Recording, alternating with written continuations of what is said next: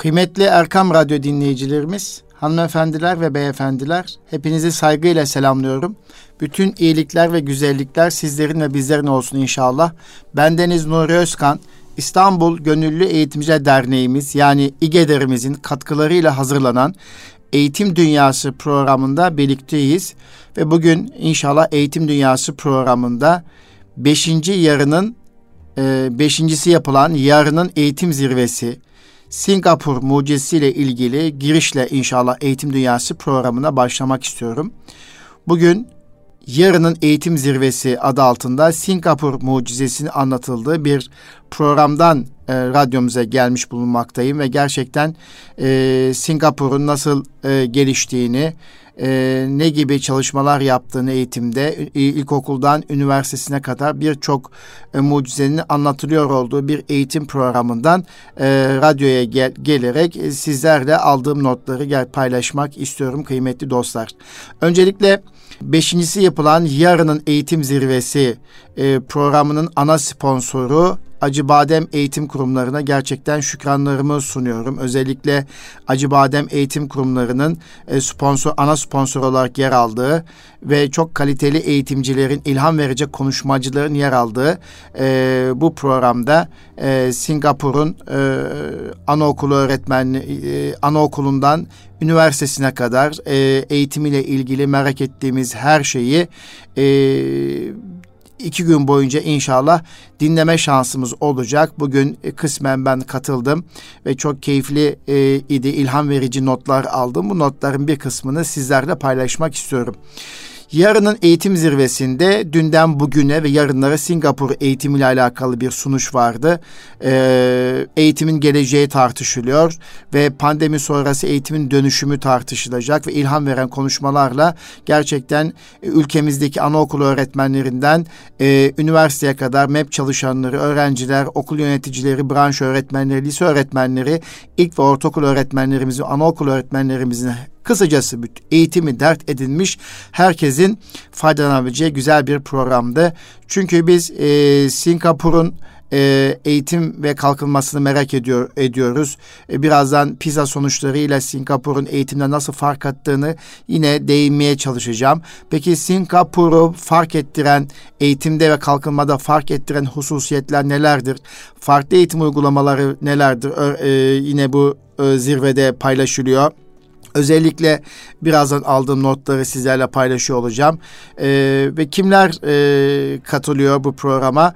5 ee, ülkeden 17 konuşmacı katılıyor ve 3 eş zamanlı atölyedeki yarın gerçekleştirecek atölye faaliyetleri şu anda bizleri dinliyorsunuz.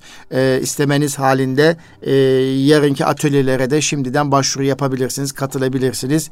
Ee, özellikle Singapur matematiği tartışılacak. Çocukların problem çözme becerilerini geliştirme öğrenmeye ve temel matematik becerilerini derinlemesine kavramalarına odaklanan benzersiz bir çerçevedeki eğitim programı nasıldır? Bununla ilgili e, bilgiler paylaşıldı ve çocuklar için matematiğin karmaşık hale gelmesini önleyerek dokunarak ve yaşamın içinden örneklerle probleme değil çözüm odaklanma sağlayacak çalışmalar nasıl yapılıyor? Bu programda anlatıldığını fark ettim. Kimler konuşmacı olarak katılıyor? Singapur Sosyal Bilimler Üniversitesi'nden Yap Min Sheng katılıyor. Yine Nation University of Singapore'dan e, Shou Chorning Haur katılıyor. Yine Singapur Eğitim Enstitüsü'nden e, Kennedy Lim katılıyor. E, Singapur Eğitim Enstitüsü'nden Kwing Leong Shun katılıyor.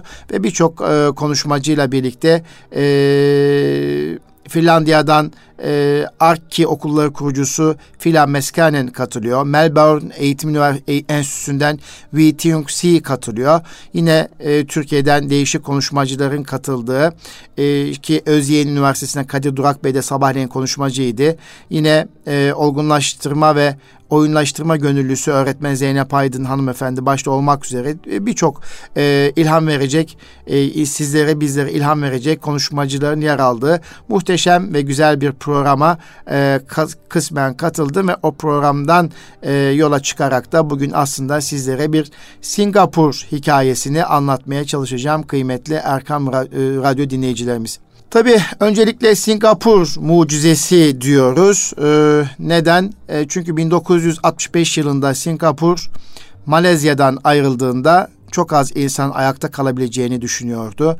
Doğal kaynakları olmayan ki bugünkü konuşmada da ifade edildi. Sanayisi olmayan, çevresi e, düşmanlarla çevrili pek çok etnik grup ve dine ait eğitimsiz ve fakir bir halka sahip küçük bir üçüncü dünya ülkesiydi ki sabahleyin zaten sunumda da e, ilk konuşmacı e, bunu bizlere an, fark ettirmeye çalıştı. E, ve Singapur küçük bir ülke 720 e, kilometre karelik bir alana sahip e, yaklaşık 5 milyon civan nüfus olan bir ülke dedi e, konuşmacımız. Peki e, bu Singapur'da e, gıda ve enerji değil içme suyu bile dışa bağımlı ki bugünkü konuşmada da bu ifade edildi. E, Singapur'da su komşu ülkelerden temin ediliyor. Peki nasıl değişti kaderi böyle bir ülke 1965 yılında böyle iken yaklaşık 50 yıl önce böyle iken Bugün ne oldu da Singapur değişti, dönüştü kıymetli Erkam Radyo dinleyicilerimiz. Singapur Lee Kuan Yew gibi ülkesini 1990'a kadar yöneten, akıllı ve ileri görüşlü kararlarla zenginliğe taşıyan yetenekli, zeki bir e, diktatöre sahip olmakta şanslıydı diyor bir yazar bunu söylüyor. E, Lee Kin Yew e, gerçekten e, 1990'a kadar bu ülkeyi e, geleceğe taşımış, yönetmiş ve e, bu e, zeki, yetenekli ama bir o kadar da dirayetli. Ben diktatör kelimesini sevmiyorum. Ben bunu dirayet olarak algılamak istiyorum. E, çünkü e, böyle insanlar bu başarıyı gerçekleştiremezler. Bu farklı bir anlam taşır benim için. Öyle olunca e, ki e, Lee Kuan Yew e, 2015 tarihinde vefat etmiş Singapurlu bir devlet adamı, e, 1923 doğumlu. Singapur Cumhuriyeti'ni 30 yıl yöneten ilk başbakan olarak geçiyor. Kararlı bir duruşu var. Kararlı bir liderin seçilmesini sağlamak için istifa etmiş olan Lee Kuan Yew dünyanın en uzun hizmet veren başbakanı olmuştur. Güneydoğu Asya bölgesindeki en etkili siyasi figürlerden biri olarak kalmıştır. Bu da e, Wikipedia e, Özgür Ansiklopedi'den aldığım kısa bilgiler e, ve 1965'teki bağımsızdan itibaren Singapur Lee'nin katkıları sayesinde görece geri kalmış ve fakir bir tarım toplumundan Asya'nın en gelişmiş, en zengin ülkelerinden birisine ve uluslararası bir havacılık, bankacılık, finans, turizm ve nakliyat merkezine dönüştüren kişi olarak anılıyor ve Singapur bugün e, Güney Kore, Tayvan, Hong Kong ve dört Asya kaplanından birisi olarak adlandırılıyor. Ve gerçekten Lee Kuan Yew iktidarı Singapur'u e, başarıya e, götürmüş. Ben öyle e, anlamak istiyorum burayı. Öyle anlıyorum. Tabii Lee Kuan'ın yaptıkları bazen belki ilk etapta anlaşılmadı, acımasızdı. Tabii kendisi de bir melek değildi ama yine Singapur'a zarardan çok faydası oldu diyen e, görüşler de hakim bu anlamda. Evet zekiydi, yetenekliydi ama bir o kadar diktatördü veya kararlı duruşa sahipti. E, yaptıkları e, yaptıklarının birçoğu ülkesinin faydasına oldu diyorlar ve liberal bir ekonomi inanıyordu. Ülkesini liberal bir ekonomi anlayışıyla yönetti ve özgür bir ekonomik modeli seçti ve sonuçta Singapur Asya'nın kalbinde bulunan Asya Pasifik bölgesinde önemli bir ulaşım merkezi haline bu anlayışta geldi ve üst, iklimi sıcak olması rağmen, yıl boyunca sıcak olmasına rağmen Singapur bir tarım toplumundan e, doğal kaynakları olmayan, sanayisi olmayan, çevresi düşmanlarla dolu üçüncü bir dünya ülkesi iken Singapur bugün Dünya Bankası verilerine göre dünyanın en kolay iş yapılabilen ülkesi. Dünyanın ekonomisi en özgür ülkesi. Dünyanın en zengin üçüncü ülkesi. Kişi başına milli gelir olarak en zengin üçüncü ülkesi. 60 dünya ekonomisi arasında dünyanın en global üçüncü ekonomisi. Asya'nın politik olarak en stabil ülkesi.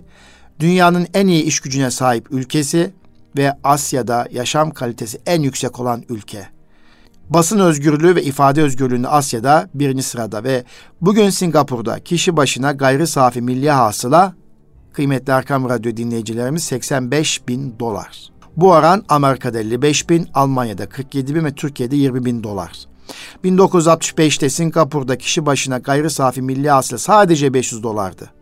Aynı dönemde Amerika'nın milli geliri 5100, Almanya'nın 2800 ve Türkiye'nin ise 800 dolardı. İşte gördüğünüz gibi Singapur 1965 yılında Amerika'nın milli gelirinden çok düşük bir ülke, Almanya'nın ve Türkiye'nin milli gelirinden çok düşük bir ülkeyken bugün e, kişi başı gayri safi milli hasıladan düşen pay 85 bin dolara ulaşmış bir ülke. İşte bu Singapur mucizesi nasıl oluştu?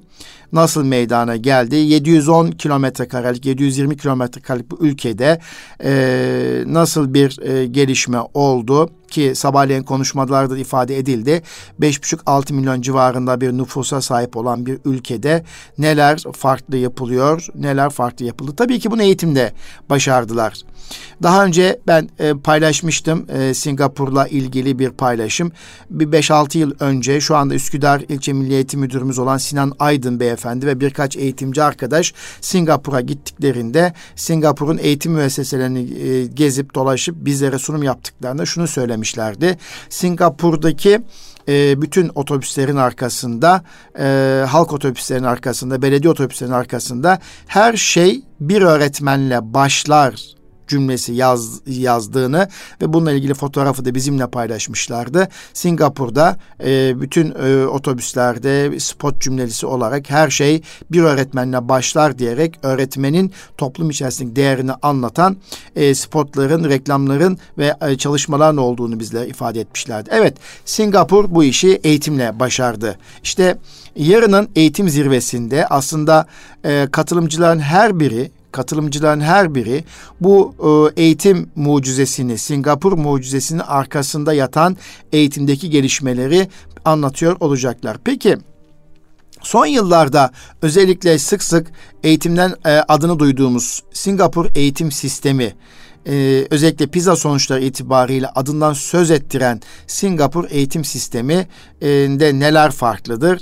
E, işte bugünkü sunumlardan da yola çıkarak dilimin döndüğü kadarıyla e, anlatmaya çalışacağım. Bu anlatımlarımı yaparken de yine e, internet sayfasındaki bulduğum bir takım verilerle de bugünkü dinlediklerimi de birleştirmek suretiyle kısa bir sunuş yapmayı planlıyorum kıymetli Erkam Radyo dinleyicilerimiz.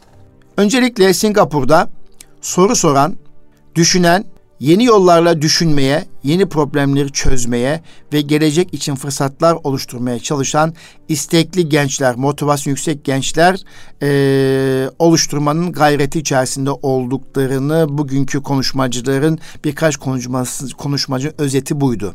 Soru soran, sorularına cevap arayan, yeni yollarla düşünmeye, yeni problemleri çözmeye ve gelecek için yeni fırsatlar oluşturmaya istekli, motivasyonu yüksek gençler yetiştirmeyi amaçladıklarını ve ilkokuldan, anaokulundan üniversiteye kadar bu felsefe çerçevesinde e, eğitim yürüttüklerini ifade ettiler ve her bir e, sunucu e, eğitimin e, Zoom ortamında olmasına rağmen, uzaktan eğitimde olmasına rağmen nasıl bir eğlenceli e, eğitim olabileceğini aslında göstermiş oldular. Özellikle bir profesör, üniversitede profesör e, bilimi çocuklara sevdirmek için e, mahalle mekteplerine kadar, okullarına kadar gidip e, bilimsel etkinlikler, bilim şenlikler yaptığını anlatmıştı. Şimdi de Covid sonrası da Zoom ortamından sürekli basit deneyler yapmak suretiyle çocukların e, temel bilimlere karşı ilgisini oluşturma gayreti ve çabası içerisinde olduğunu anlatınca da ben inanılmaz keyif aldım.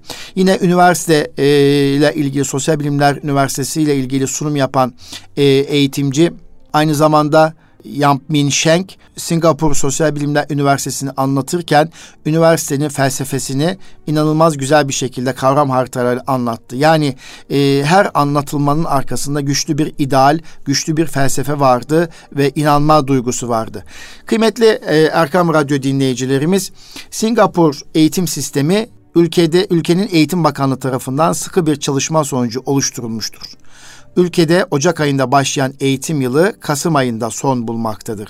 Çocuklar zorunlu eğitim almaya 7 yaşında başlamakta ancak 3 ile 6 yaş arasında alacakları okul öncesi eğitim ise isteğe bağlı tutulmaktadır.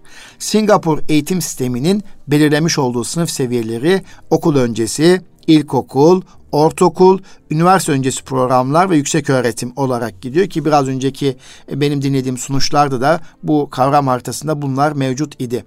Okul öncesi dediğimiz 3-6 yaş arası e, çocukların kabul edildiği kurumlarda özel kuruluşlar ve dernekler tarafından işletildiği ifade ediliyor. Singapur'da kreş, anaokulu ve okul öncesi eğitim zorunlu değildir. Ama ülkede anne ve babaların beraber çalışma oranı yüksek olduğundan Singapurlu çocukların çoğu okul öncesi eğitim almaktadır. Yani zorunlu olmamakla birlikte anne baba birlikte çalıştığı için de Singapur'daki birçok çocuk okul öncesi eğitim kurumlarına gidiyor. Bunun yanında Singapur'daki kreşler ve anaokulları sadece çocuk bakım merkezleri değildir. Kurumların her birinin kendi eğitim müfredatı vardır ve çocukları Singapur'un eğitim sistemine hazırlamaya odaklanır. Kurumlar öncelikli olarak çocuklara İngilizce öğretilir daha sonra bölgede konuşulan birkaç farklı dilden birini de ana dilleri olarak öğrenirler. Yani Singapur'da yine e, etrafta konuşulan kabile dilleri dilleriyle birlikte e, İngilizcenin öğretildiğini okul öncesi itibariyle bunun başladığını görebiliyoruz. Peki 6 yaşından itibaren ilkokula gitmek zorunlu Singapur'da. Bu eğitim aşaması yine ücretsiz olarak sağlanır ve çocuğunu ilkokula göndermeyen anneler babalar cezalandırılır. Bunun bir yaptırımı var Türkiye'de olduğu gibi. Çocuğuna evde eğitim vermek isteyen ve Eğitim Bakanlığı tarafından yönetilmeyen dini bir kuruma göndermek isteyen ailelerin ise bunu yapmak için izin başvurusunda bulunmaları gerekmektedir. Yani çocuğunu herhangi bir e, Eğitim Bakanlığı'na bağlı bir eğitim kurumuna göndermek istemiyorsa işte kendi e, dinleri ve felsefeler çerçevesinde çocuklarını hayata hazırlamayı düşünüyorlarsa bu konuda izin almaları gerekiyor. Ve 6 yıllık bir ilkokul eğitim süreci var. 6 yıllık bir eğitim dönemini kapsayan ilkokul döneminde öğrenciler ilk 4 yıl ortak bir müfredata sahip hazırlık aşamasından geçmektedir. İlk dönemin temel amacı yani bu dört yılın temel amacı öğrencilerin İngilizce, yerel ana dil ve matematiği kavraması sağlanmaktadır. Yine öğrenciler bu temel alanların ötesinde güçlü yönlerini geliştirmek adına çeşitli sosyal aktivitelere veya spor etkinliklere katılabilmektedir. Yani bu dört yıllık süreç içerisinde bir takım ortak müfredat var. Ortak müfredatın e, içerisinde en önemlisi İngilizce e, dil olarak öğretilmesi ve sonra diğer yerel ana dil ve bununla birlikte matematik. Yani dil, e, yerel ana diller ve matematik. Bu üç e, mihver dersin etrafında ilkokul programı şekilleniyor. Ancak bu temel e, dört yıllık dönem içerisinde de çocukların kendilerini geliştirmeleri, kendilerini fark etmeleri, güçlü ve zayıf yönlerini fark etmeleri adına sosyal etkinliklere, aktivitelere, sportif etkinliklere katılmaları sağlanmaktadır. Ee, daha sonraki iki yıl yani ilkokulun e, ilk dört yılından sonraki beşinci ve altıncı yıllarda yani iki yıllık oryantasyon aşamasında da öğrenciler öğrenme yeteneklerine ve zorluklarına göre üç farklı dil grubundan birine yerleştirilmektedirler. Daha sonra ise öğrencileri kendileri için en uygun olan orta öğretim kurumunu yerleştirebilmek için de ilk öğretim bitirme sınavına katılmaktadır. Yani bizdeki LGS sınavı gibi bir sınavın olduğunu ben buradan anlayabiliyorum. Peki ortaokula geldiğimiz zaman ne oluyor? Ortaokula geldiğimizde de Singapur eğitim modelinde orta öğretim e, 4 veya 5 yıl sürüyor. Yani orta öğretim, ortaokul ve lise birlikte düşünelim burayı. Öğrenciler 4. senenin sonunda Singapur Cambridge General Certificate of Education adı verilen bir sınava girmektedir. Bu sınavda iyi puan puan alan öğrenciler bir sene daha ortaokul eğitimi almaya hak kazanıyorlar ve ortaokulun süresi beş yıla çıkıyor. Yani aslında ilkokul altı yıl ondan sonraki ortaokul dört yıl ama e, bir sınav yapılıyor tekrar ortaokulun dördüncü yılından sonra. O sınavla birlikte bir yıl daha e, eğitim alıyor ve beş yılda tamamlıyor. Ve e, ortaokul eğitim süreci içerisinde farklı ilgi alanlarını tatmin etmek ve öğrenme yollarını genişletmek için onlara fazla seçenekler sunuluyor e, bu dönem içerisinde. Ne öğrendiklerini ve nasıl öğrendiklerini seçebilmek onları öğrenmelerini sahiplenmelerini teşvik ediyor. Yani öğrenme motivasyonlarının sürekli canlı tutulmasıyla alakalı bir paylaşım yapıyor yapılıyor. E, bugünkü sunuşlarda da özellikle akademisyenler, hocalar buna çok de, değindiler günümüzde çocuklara öğrenmenin motivasyonunu vermek, merakını ve motivasyonunu vermek ve bunu sürekli zinde tutmak, canlı tutmak gerektiğini ifade ettiler. Gerçekten önemli. Ne öğrendiklerini ve nasıl öğrendiklerini seçebilmek onları öğrenmelerini, sahiplenmelerini teşvik etmektedir. Ayrıca ülkede öğrencilerin sınıf içinde ve dışında çok yönlü ve bütünsel gelişimler sağlamak için daha geniş tabanlı bir eğitim verilmektedir. Özellikle disiplinler arası eğitim sistemi ve temel bilime dönük eğitim biraz daha ön planda olduğuyla alakalı bir anlatış vardı. Bugünkü e, yarının eğitim zirvesinde, beşincisi yapılan yar, yarının eğitim zirvesinde. E, üniversite öncesi eğitim dediğimiz e, bir kısım ki üniversite öncesi programlar veya buna üniversiteye hazırlık veya meslek eğitim programları da denilebilir. Üniversite öncesi eğitim, üniversiteye gitmek için e, gitmek isteyen özellikle öğrenciler için özel olarak hazırlanmış iki veya üç yıllık bir programa bir süreci kapsıyor. Bunun yanında süreç içerisinde dileyen öğrenciler farklı konularda meslek eğitim alarak çeşitli sektörlere kalifiye eleman olabilmektedirler. Bu öğrenciler gerekli donanımlar kazanabilmeleri adına yaparak öğrenme metodu ile e, eğitim almaktadırlar. İşte bugün e, bu program içerisinde özellikle e, yaş, deneyimsel öğrenme ifadesi oldukça fazla idi. Ben de e, bunu bu şeyi çok sevdim e, deneyimsel öğrenme ifadeleriyle birlikte e, güzel eğlenceli bilim, deneyimsel, deneyimsel öğrenme, e, derslerin ilgi çekici hale gelmesi, bilimi sevdirmek için çocuklar okula gidiyor olması, toplumla barışık, her yerde eğitim, yeniliklere, gelişimlere açık gibi işte notlarıma bakıyorum bu arada. Hayat boyu öğrenme ruhu ve motivasyonu verebilmek diye bir sunuş da almış olduğum bir not var. Ve her bir bölüm, üniversitelerin her bir bölümünde toplum hizmetleriyle ilişkili çalışmalar yapılıyor ve amaç hayat boyu öğrenme ruhu ve motivasyonunu çocuklara, gençlere verebilmek şeklinde bir takım notları almışım. Kıymetli Erkam Radyo dinleyicilerimiz. İşte üniversiteye e, bu şekilde hazırlanıyor ve üniversite yüksek öğretime gelindiği zaman e, Singapur eğitim sisteminin öne, önemli bir ögesidir yüksek öğretim ve öğrenciler küçük yaşlardan itibaren en iyi üniversitelere gitmek için e, çalışıyorlar, hayallerini kuruyorlar. Ülkede bulunan devlet üniversiteleri en yetkin öğrencileri bünyelerine katabilmek için adına zorlu sınavlardan başarıyla geçen öğrenciler kabul ediyor ve Singapur 4 adet devlet üniversitesi faaliyetlerini aralıksız sürdürüyor. 2010 yılında yayınlanan dünyanın en iyi 100 üniversitesi listesinde Singapur'da bulunan Teknoloji Üniversitesi'nin yer aldığını hepimiz biliyoruz ki bu üniversitede özellikle mühendislik, işletme, beşeri bilimler, sosyal bilimler ve tıp alanlarında e, kaliteli eğitimler veriliyor. Evet Bugün e, Singapur'la alakalı olarak yarının eğitim zirvesinde paylaşılan e, konulardan yola çıkarak e, ve bizim de PISA sınavlarına göre dikkatimizi çeken e, böyle bir e, ülkenin e, eğitim hikayesini e, sizlere e, kısaca anlatmaya çalıştım. Burada tabii e, özellikle e, Lee Kuan Yew devlet başkanı ilk devlet başkanı. E, tabi o dönemlerde belki ne kadar seviliyordu bilemiyorum. 30 küsur yıllık kaldı iktidar döneminde ama e, sonuçta tarihe adını altın harflerle yazdıran bir devlet başkanı olmuş. Yememiş içmemiş. Singapur halkının refah için kişi başı geliri 500 dolardan işte 35 bin dolara şimdi de o 85 bin dolara çıkarmış bir lider. Kendi zamanında 35 bin dolara çıkarmış ama şimdilerde de e, 85 bin dolar kişi başına düşen milli gelirin olduğu söyleniyor ve gerçekten evet dünyadaki az sayıdaki şehir devletlerden biri Singapur ve Lee Kuan Yew burada tarihi bir şahsiyet olarak anılıyor. Singapur'u bağımsızlığına kavuşturan daha da önemlisi akılcı ekonomik hamleleriyle ülkeyi önemli bir finans merkezi ve deniz ticareti durağı haline getiren Yewe Singapurlular çok şey borçlu ve e, Singapur'u koloni döneminden bir e, şehir devleti haline getiriyor. Ee, gerçekten başarılı bir hikayesi var. Ee, Singapur'un başarısı kendine özgü olsa da e, gelecek nesillere Lee Kuan Yew'in bıraktığı on önemli miras var. E, diyor ki on önemli mirası da şu. İyi kurucu babalar bir ülkeye çok şey katabilir. Başarılı yönetim için e, ortak akıl şarttır. Pragmatizm önemli ve genelde başarı ulaşan bir yöntemdir. Küçük devletler savaş değil ancak barış ve ekonomik kalkınma yoluyla dünyada kendilerine önemli bir yer edinebilirler. İnsanların hayatını değiştiren küçük hamleler ileride yapılacak büyük reformların temelini oluşturabilir. Kalkınma için yabancı yardıma, yatırıma değil, yabancı yatırıma odaklanılmalıdır. Yani kalkınma için yabancı yardıma değil, yabancı yatırıma odaklanılmalıdır. Bu cümle çok önemli. Etnik gruplar sisteme entegre edilmeli ve devletin bu yönde enerji israfı önlenmelidir.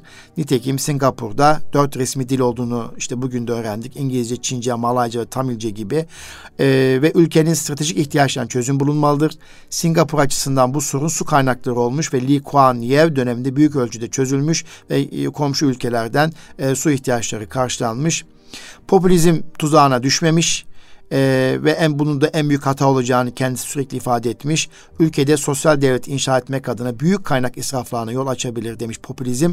Dolayısıyla buna girmemiş. Ülkeyi yöneten liderler dürüst ve açık sözlü olmalıdır demiş.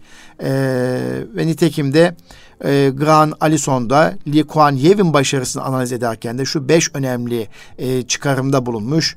Lee Kuan Yew için başarı ölçülebilir sonuçlara göre değerlendirilmelidir üstün performans için üstün liderlik gereklidir.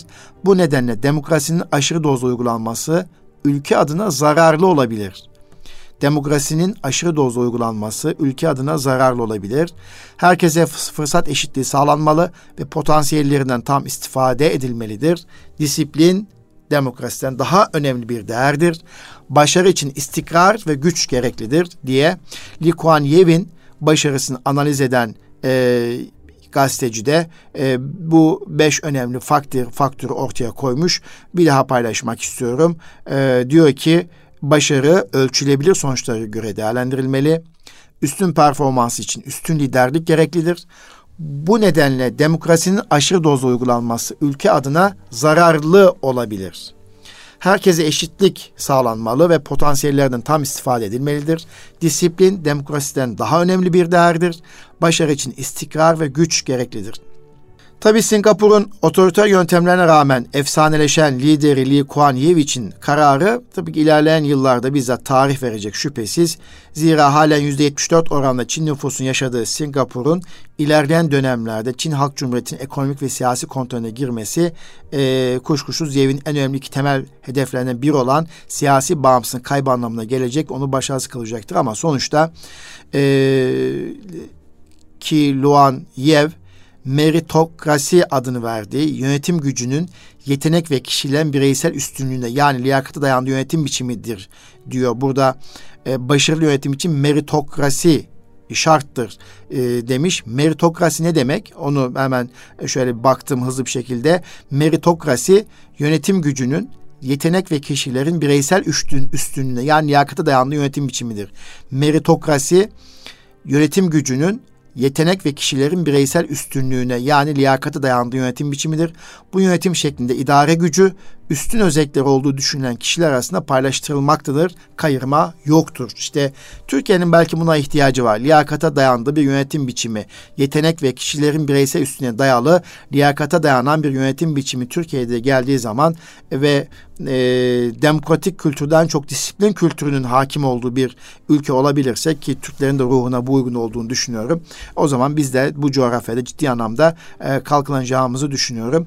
Liyakat sistemi merit sistem yani çok e, liyakat sistemi siyasi kayırmacılık sisteminin uygulamada olumsuz sonuçlar vermesi neticesinde ortaya çıkan bir sistem olarak günüm daha önce tartışılmış ve ciddi anlamda da e, bunun üzerine çalışmalar yapılmış. O zaman kayırma sisteminin ortaya çıkışına itibaren geçen zaman içinde devletin rolü büyük ölçüde değişmiş ve devletin geleneksel düzenleyicilik işlevleri hem hacim yönünden katlanarak artmış hem alan itibariyle son derece genişlemiş. Bunun sonunda devlet yeni ve büyük soruna üstlenmiştir. İşte liyakat sistemini iyi ortaya koyabildiğimizde siyasi kayırmacılık sistemini kaldırıp yerine e, yetenek ve kişilerin bireysel üstünlüğüne dayalı, liyakate dayalı bir sistem, bir yönetim biçimi ortaya koyabildiğimizde Singapur mucizesini inşallah bizler de yaşarız kıymetli Erkam Radyo dinleyicilerimiz. Evet, e, Acı Badem okullarına tekrar teşekkür ediyorum. Gerçekten yarının eğitim zirvesinden yola çıkarak e, bugün e, bizler Singapur mucizesini e, Eğitim Dünyası programında paylaşma imkanı bulduk. İnşallah kıymetli Erkam Radyo dinleyicilerimiz, bugün bizi dinleyen Erkam Radyo dinleyicilerimiz için bir daha sesleniyorum. 21-22 Kasım yani bugün ve yarın e, beşincisi yapılan yarın eğitim zirvesi programı var. Uzaktan online olarak yapılıyor ve biraz önce bahsetmiş olduğum, anlatmaya çalıştığım Singapur mucizesiyle ilgili çok güzel ve ilham verecek konuşmacılar var. Beş ülkeden 17 konuşmacı katılıyor ve yarın da eş zamanlı birçok atölyeler gerçekleşecek ve e, Singapur matematiğiyle ilgili merak ettikleriniz, çocukların problem çözme becerileri nasıl geliştiriliyor ve gayri safi milli hasıladaki payı birden nasıl artmış 40 sene gibi kısa bir süre içerisinde nasıl gelişmiş ve bu konuda e, Türkiye olarak bize düşen nedir? Oradan çağrışım yapar, bizler neleri daha iyi yapabiliriz? Bunları tartışabileceğimiz e, ve dinleyebileceğimiz, müzakere edebileceğimiz güzel bir program. Ben de bugün bu e, dinlediklerimle birlikte bu heyecanla e, sizlere Erkam Radyo'da misafir oldum, konuk oldum ve hem Singapur mucizesini e, anlatmaya çalıştım. Oradan aldığım bilgilerle Singapur'un eğitim sistemini e, paylaştım. E, işte kıymetli Erkam Radyo dinleyicilerimiz PISA e, sonuçlarında da dikkatimizi çeken bu ülkede e, liyakata dayalı bir yönetim sistemi hakim. Buna meritokrasi adı verildiğini de bu vesileyle hep beraber tekrar e, duymuş olduk veya bilgilerimizi hatırlamış olduk. Efendim biliyorsunuz Milli Eğitim Bakanlığımız Eğitim Şurası'na hazırlık yapıyor.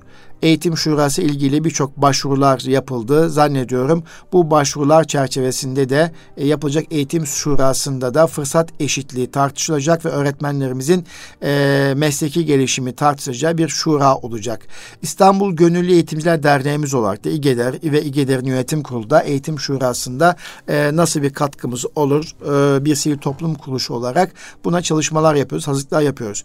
Bununla birlikte önümüzdeki hafta 24 Kasım Öğretmenler Günü geçtiğimiz hafta duyurmuştuk. Bakanlığımız e, Öğretmenler Günü münasebetiyle bir fidan bağışını e, tavsiye etti velilerimize, veli temsilcilerimize. E, sınıfçak bir fidan bağışı bütün öğretmenlerimiz yapılabileceği gibi e, e, her bir öğretmenimiz için de çocuklarımız ve velilerimiz bir fidan bağışı yapabilirler e, dedi ve bununla ilgili sitesinde gerekli duyuruları yaptı. Ben de bir kez daha bunu bunu duyurmak istiyorum. Bununla birlikte öğretmenlerimizin e, bu dönemde e, alınacak hediyelerin kriterleri noktasında bakanlığımız bir açıklama yaptı. Tabii sosyal medyada bununla ilgili farklı e, söyleşiler, e, farklı müzakereler olmakla birlikte bence o açıklamalar e, öğretmenin mesleğini, öğretmenlik mesleğini korumak adına yapılan açıklamalar olarak bakıyorum. Çünkü bazen hediyedeki yapılacak abartılar ve bunun karşısında öğretmenin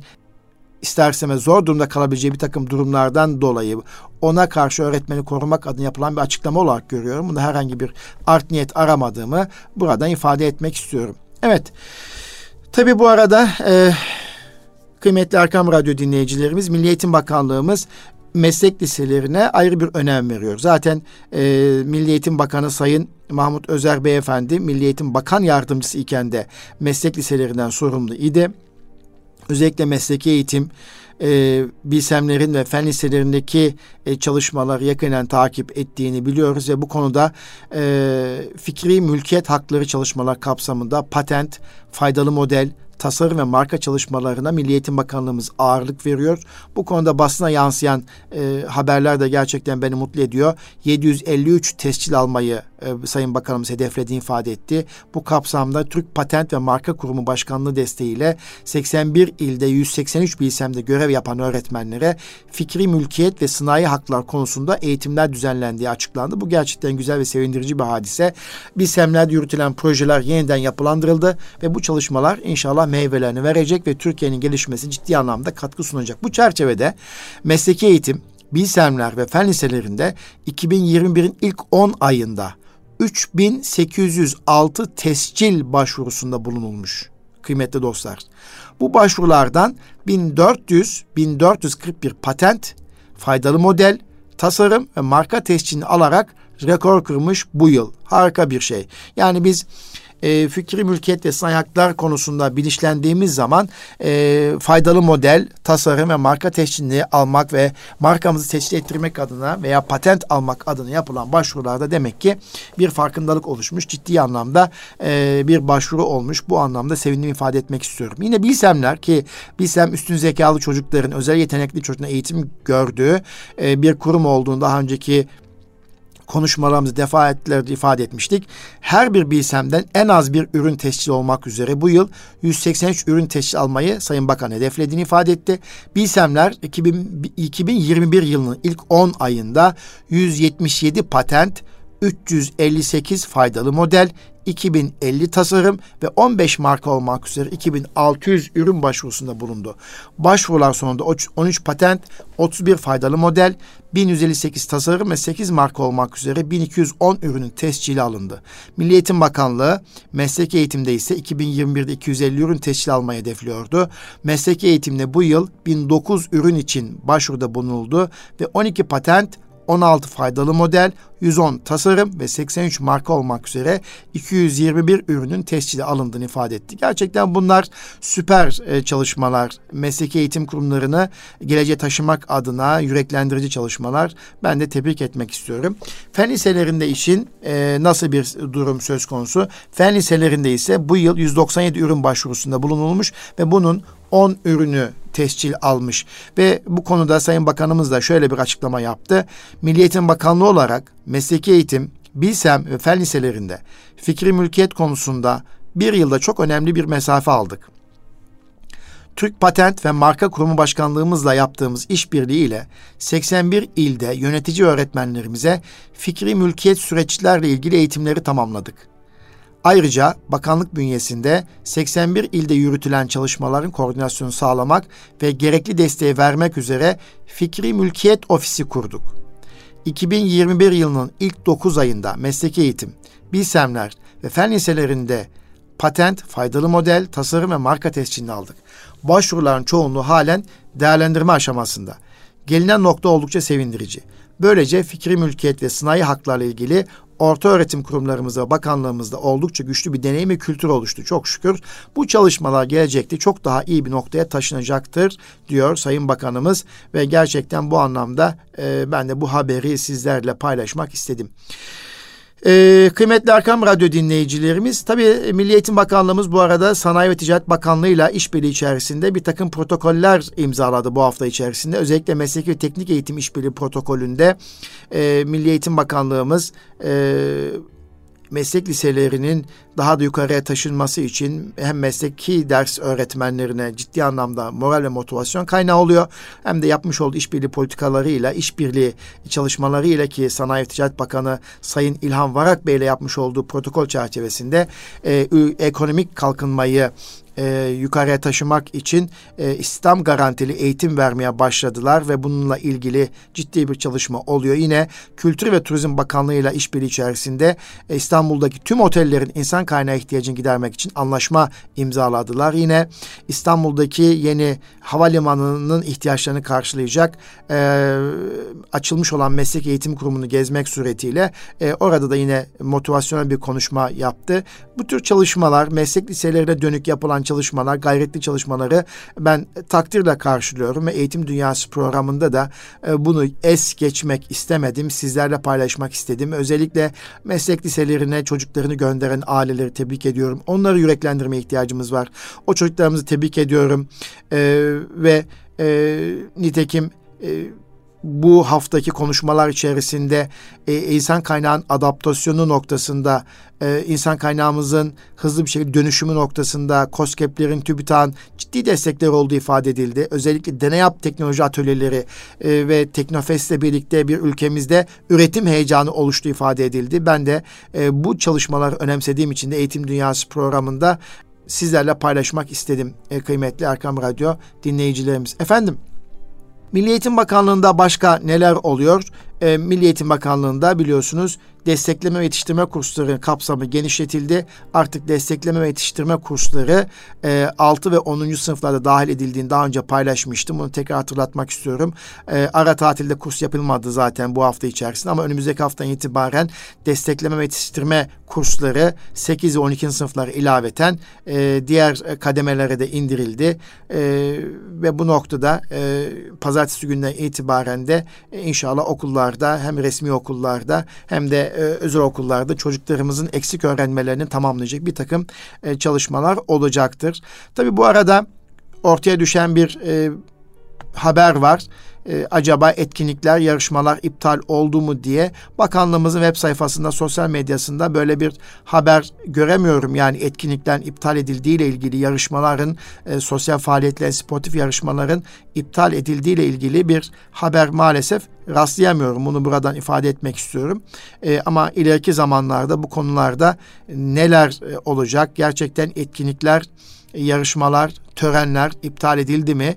E, bu konuda de bir açıklama olması halinde bizler de inşallah e, bunu Eğitim Dünyası programında paylaşırız veya sizler e, sosyal medyada takip edersiniz. Ancak şu anda e, so, e, sosyal medyaya veya haber e, internet kanallarına düşen haberi Milli Eğitim Bakanlığımızın sayfasında doğrulama imkanım olmadı. İleriki zamanlarda bu açıklamaları bekliyor olacağız. Efendim biliyorsunuz bu hafta öğretmenler e, günü. E, bizler de öğretmenlerimizi e, saygıyla selamlıyoruz. Ellerinden hürmetle öpüyoruz. Öğretmenlerimiz ruhların sanatkarıdır diyor Nurettin Topçu. E, ve ben 40 yıl boyunca muallimlik yaptım. Okula mabede gider gibi gittim. Sınıfa abdestsiz girmedim diyen Nurettin Topçu e, ahlak davasıyla geçen bir ömür boyu içerisinde öğretmenlerimize ayrı bir ehemmiyet vermiştir. E, muallimlerimizi e, ayrı bir şekilde e, değerli olması açısından e, çok önemli açıklamaları olmuştur Nurettin Topçu'nun. E, bu anlamda e, bu hafta içerisinde yapılacak çalışmalarda da Nurettin Topçu'nun e, marif davası okunması ve öğretmenlere vermiş olduğu değeri anlamak bakımından da önemli olduğunu düşünüyorum. Efendim kıymetli Erkam Radyo dinleyicilerimiz, hanımefendiler ve beyefendiler bugün Eğitim Dünyası programında Acıbadem Okulların ana sponsor olduğu Yarının Eğitim Zirvesi programında Singapur mucizesi ile ilgili almış olduğumuz bilgi notlarıyla birlikte e, toparlamış olduğumuz diğer bilgileri sizlerle paylaştım ve inşallah ülkemizin de bir Anadolu mucizesi yaratacağını, oluşturacağını inanıyorum. Bu de çok yakın görüyorum ve şu anda bir sancılı dönem geçiriyoruz. Bu sancılı dönemin e, inşallah e, ardından çok güzel günler olacaktır. Buna kesinlikle inanıyorum. Sadece sabır olmak, sabırlı olmak gerekiyor, temkinli olmak gerekiyor. E, güvendiğimiz insanlara sahip çıkmak gerekiyor. Bu arada Singapur mucizesinden yola çıkarak da e, devletimize, büyüklerimize benim de önerim liyakat esaslı bir yönetim biçimi olması halinde insanların kaygısı gidecektir. Daha da rahat edecektir diye düşünüyorum. Ve daha çabuk gelişeceğiz. Biraz daha kucaklayıcı olabiliriz. Her şeye cevap vermek durumunda değiliz. Ee, daha kucaklayıcı bir anlayış sergilememiz halinde herkesi herkese kucağımızı açtığımızda e, herkesi anlayabildiğimizde inşallah bizler de e, Singapur mucizesini e, yakalayıp Anadolu mucizesi adı altında gelecek neslimizin anacağına inanıyorum. Bu duygu ve düşüncelerle önümüzdeki hafta e, inşallah yine e, öğretmenlerimizin, muallimlerimizin durumunu görüşeceğimiz, konuşacağımız, sohbet edeceğimiz bir cumartesi programı hayal ediyorum. Bir konuğumuzla birlikte e, inşallah eğitim dünyasının programını gerçekleştirmek arzusundayım. Efendim bir sonraki eğitim dünyası programında buluşmak dileğiyle kalın sağlıcakla Rabbime emanet olunuz.